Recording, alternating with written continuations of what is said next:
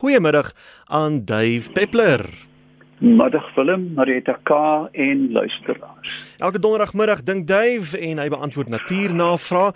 Kom ons begin met hierdie een van Linda Kutse. Sy sê, uh, "Hoe kommunikeer olifanttroppe met mekaar oor lang afstande?" Ja. Kyk, olifante uh, het 'n aantal kommunikasiemiddels as hulle naby mekaar is, dan kan hulle trompeter, hulle kan hulle ore sprei, jy weet, uh, jy moet oppas as hy sy hurp slurp optel en dan natuurlik met paartyd het die bulle natuurlik hierdie vreemde temporale klier waar daar feromone uittap. Dis 'n dis 'n komplekse samestelling en hulle kan dan in medium afstand kan hulle kommunikeer oor groot afstande kommunikeer hulle met infraklank. Nou infraklank uh, as jy kyk na eh, 'n uh, gewone jong mens sê nou maar tot hier by 25 30 kan hulle hoor van 20 hertz met ander woorde 20 siklusse per sekonde tot 20000. Ek het myself netlik lank al doof geskiet. Maar ehm um, dan bo daai frekwensie is dit uh, waar vlermuise kommunikeer, maar onder die frekwensie tot op 16 Hz of daar rond kan olifante oor baie lang afstande vir mekaar brom en rammel. Uh so uh die die idee van hierdie kommunikasie is hulle is gewoonlik bos of wouddiere, jy kry minder olifante in die oop veld en dat hoë frekwensies word geattenueer, met ander woorde dit word gekaats.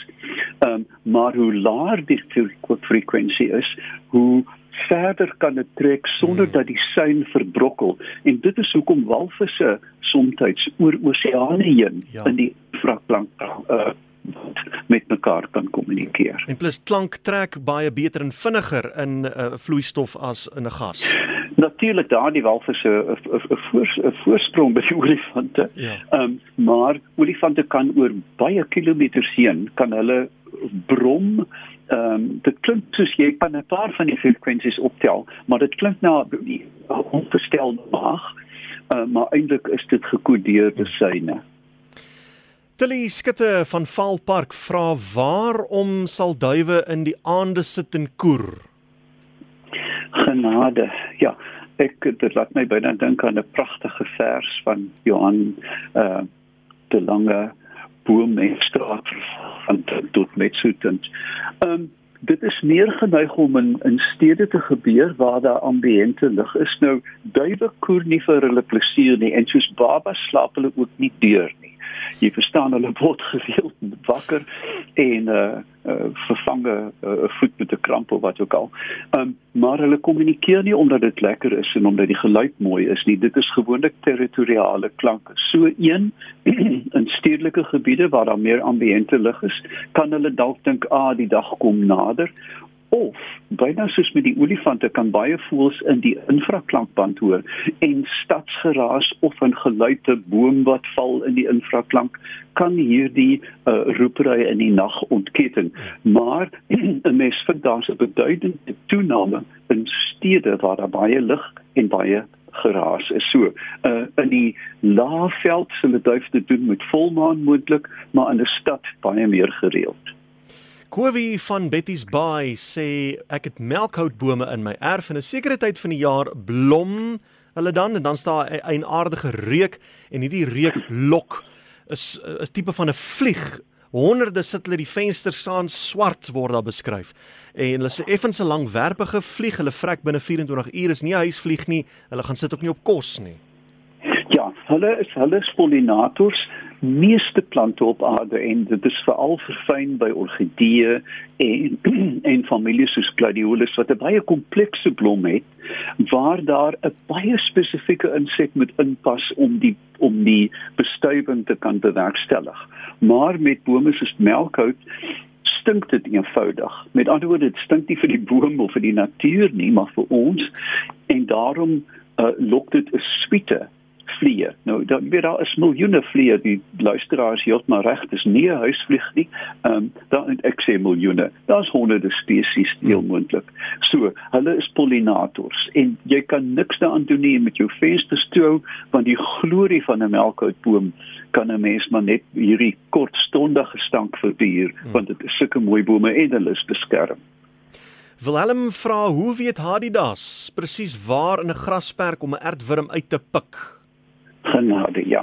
Kyk hulle Ehm um, dit is nie net Hadidas nie, 'n hele klomp ander voels maar Hadidas is natuurlik opsigtelik met hierdie lang uh, gekurfde bek.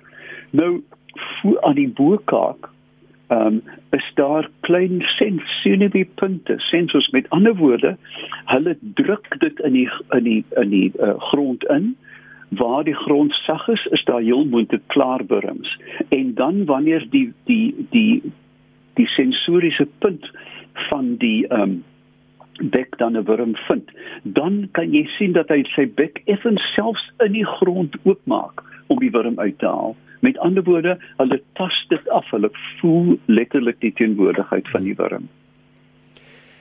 Hier is 'n vraag van uh iemand wat in Skipskop daar by die see groot geword het. En hy sê die visserman op die skuite het ons kinders altyd vertel van hierdie reuse mensvreter haai, die Tommy haai. Uh, daar in die diepsee. Kon dit die wit doodhaai gewees het wat uh, ons nou vandag ook ken as die as die groot wit haai? Vra Dirk. Dis 'n naam wat ek vat die Kenny. Ek het ehm um, jy weet as hulle gesê het Tolly High het ek dalk 'n antwoord gehad want dan was dit die Bull High. Jy weet, Tolly is mos 'n jong bull. Ehm um, oh. maar Tommy, jy weet ek weet nie van Engelse haie nie. ek vermoed tog dat indien dit 'n groot gevaarlike haai is, is dit die High want hulle kom reg oor die wêreld voor. Ek dink selfs in die meer van Titicaca 'n uh, 'n uh, 'n uh, landmeer in Suid-Amerika. En hulle kan um, honderde kilometer in brakwater mm. opswem. Jy kry hulle in die Drie rivier en ek weet in die Mississippi um, kan hulle tot 600 km stroom op in byna volledige varswater nog selfs mense aanval. So ek vermoed dat dit 'n volksnaam vir die vir die Engelse bull shark is. Uh, noem die mense in Natal hulle die Zambesi haai. Dis jy's doodreg. Dit is dit is die Zambesi en daar is baie meer aanvalle van van van hierdie haai as van die wit doodhaai. En dis, um, hulle ja. is werklik hulle is aggressiewe goed en veral jy weet jy sit in 'n rivier en jy dink ag hemel hier's die krokodille nie. Min weet jy daar's haie. Hmm. So miskien as hy mooi gaan vra of mooi luister, miskien is dit tog Tolly haai en dan is dit dalk hierdie bullaai waarvan hulle gepraat. Maar nou ja, uh, dit kan dit kan nou 'n klomp verskeidenheid dinge wees. Dis my vermoede. Ek dink dis dalk 'n vervorming van Tolly High. Ah, goed. Hierso's 'n oh, ongewone een van Teresa af. En sy sê in die oggend as hulle wakker word, dan het hulle 'n uh, een van hulle huismure is dan vol uitskeitsel van die een of ander spesie of 'n ding en die ding trek oor die dak, hy trek oor die swembad, hy trek oor die buitenkantste betonmuur tot in 'n boom in. En dan moet hulle eers wag dat hierdie besigheid droog word voordat met 'n skerp voorwerp kan afkrap. Hulle dink nie dis 'n voël nie, kan dit 'n vlermuis wees? Ek kan jou byna waarborg as jy die luisteraar vra of daar ehm um, geelhoutbome in die naby of lukwarte.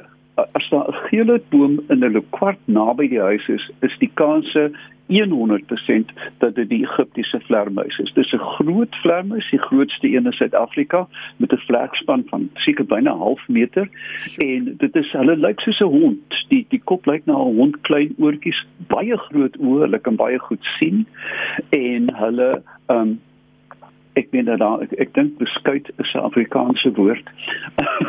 die wêreld. Um en jy weet dit sit soos um, uh, soos roes, jy weet jy kan dit byna nie afkry jy moet die muur oorverf. So die uh, mens wil nie 'n gele boom afklap nie, maar indien dit 'n kwartus moet jy maar die ryk vrugte pluk hmm. voor hulle dit begin vreet. Ek ek kan die luisteraar byna waarborg, dis 'n gewone soort van 'n cappuccino bruin, effens oranje blerts hmm. en dit sit die hemel weet jy moet oorverf. Ag, jene.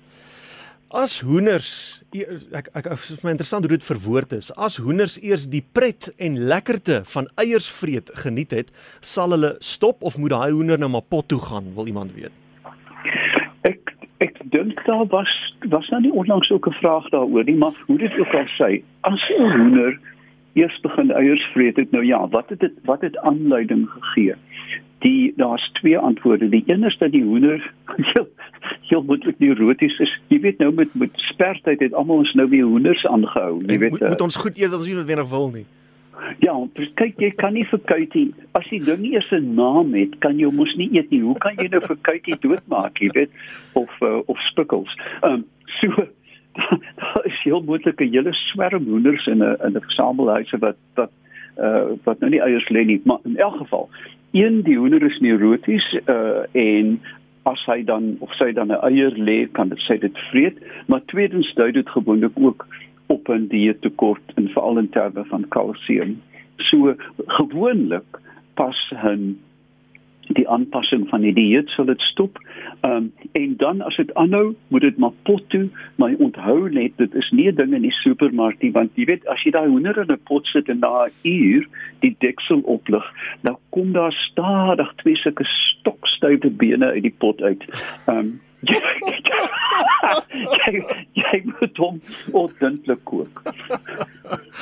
Goed, hier's ons een wat sê ek het my houtvloer moes vervang omdat mure dit opgevreet het. Die mure het egter een balk by een balk slegs geëet tot by 'n jaarring wat nou lyk asof daar 'n tak oor is. Waarom sou hulle die balk slegs tot by 'n spesifieke jaarring eet en dan die res los? Ja, 1, Willem, dis nie mure nie, dis termiete. Uh mure uh, eet gewoonlik nou, dis so dit is 'n houtvretende termiet en meeste ek vermoed die oproep kom uit die Laagveld of daar uit die noorde uit, miskry dit nie soveel in die Kaap nie. Maar dan vermoed ek ook dat die vloere dennehout was en dat sommige planke ehm um, sny 'n vorige besering van die boom raak waar hars neergelê is. In die hars is natuurlik vol terpentyn. Dis ah. waar terpentyn vandaan kom. En uh, soos 'n uh, enige huismeer met goeie maniere sal dit nou nie eet nie. So, ek vermoed dat hierdie letsel wat oorgebly het is is 'n harspakkie. Hmm. En dan 'n laaste een van Gerard in Pretoria. Hy vra jy moet asseblief verduidelik hoe seil 'n slang wat se spiere ingespan word en hoekom seil hulle teen verskillende spoed afhangend van spesies? Wel, nommer 1 as jy 'n mamba is, dan moet jy 'n perd kan inhaal. Jy weet die ou boere het mos altyd gesê dat in die veld gery en die mamba het saamgeseil. Ehm um, maar 'n pofadder kan nie saam met 'n perd seil nie. Met daar's 'n hele aantal maniere. Die een is die ehm um, die gewone kartelgang en dit dit dit behels die spiere van die hele lyf van letterlik agter die kop tot die puntjie van die stert want die punt van die stert word ook gebruik as vashou um, orgaan en stutorgaan met ander woorde dan is dit die die golfvorm die S-vorm.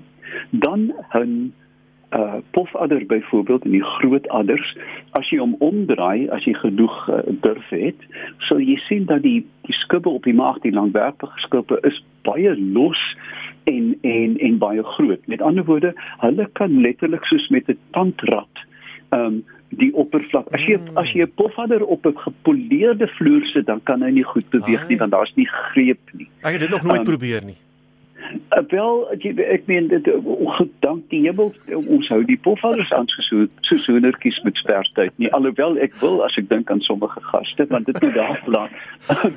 En dan is daar natuurlik die ehm um, die spesies wat in suiwer sand wat letterlik half spring en hierdie pragtige S-vormige hmm. patrone jy sien dit in die name byvoorbeeld en dan die laaste een is natuurlik 'n ware slang die seeslang wat dan 'n uh, afgeplatte stert het en soos 'n vis swem Dave nou ja baie dankie weer eens vir jou tyd mense kan jou op Facebook gaan soek uh, daar is 'n sarsie uh, nuttelose inligting by duifpeplop.co.za. Dankie tot volgende week. Tot dan.